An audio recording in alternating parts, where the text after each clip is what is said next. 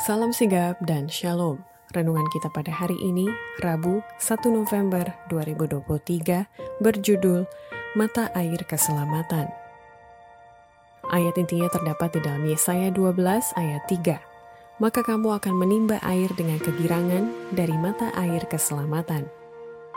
Pena Inspirasi menuliskan yang dimaksud dengan judul renungan kita pagi ini, Mata Air Keselamatan, adalah sebuah panggilan kehidupan yang praktis agar kita senantiasa tetap berusaha untuk menjadi kabar sukacita sebagai faktor yang menunjang kebahagiaan sejati dan sarana untuk memulihkan hubungan kita secara vertikal kepada Tuhan dan horizontal dengan sesama sebagai berikut.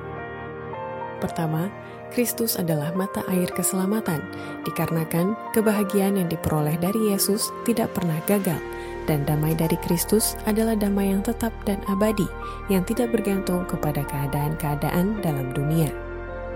Kebahagiaan yang diperoleh dari sumber-sumber duniawi berubah-ubah, sebagaimana keadaan yang bermacam-macam dapat mengubahnya. Tetapi damai dari Kristus adalah damai yang tetap dan abadi itu tidak bergantung kepada keadaan-keadaan dalam dunia, pada jumlah harta duniawi atau jumlah sahabat-sahabat duniawi. Kristus adalah mata air hidup, dan kebahagiaan yang diperoleh dari Dia tidak pernah gagal.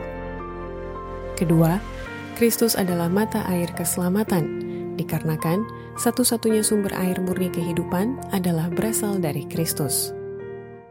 Sebagaimana pejalan kaki mencari mata air di padang gurun, lalu menemukannya, dan memuaskan dahaganya. Hendaklah begitulah dahaga orang Kristen untuk memperoleh air murni kehidupan yang bersumber dari Kristus. Ketiga, Kristus adalah mata air keselamatan yang bisa dimengerti dengan membaca firman Allah yang adalah mata air kehidupan oleh bimbingan Roh Kudus.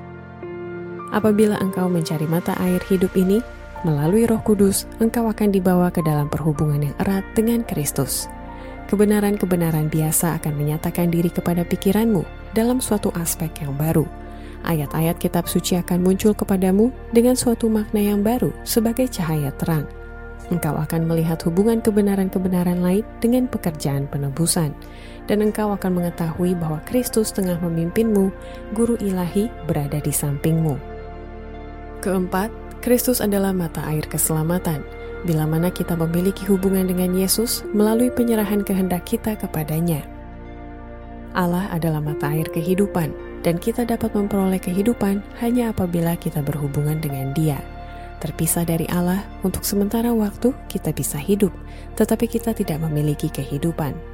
Tetapi seorang janda yang hidup mewah dan berlebih-lebihan, ia sudah mati selagi hidup. 1 Timotius 5 ayat 6 hanya melalui penyerahan kehendak kita kepada Allah baginya mungkin untuk memberikan kehidupan kepada kita. Hanya oleh menerima kehidupannya melalui penyerahan diri, kata Yesus, dosa-dosa tersembunyi yang telah aku tunjukkan ini dapat dikalahkan. Demikianlah renungan kita pada hari ini, kiranya Tuhan memberkati kita semua.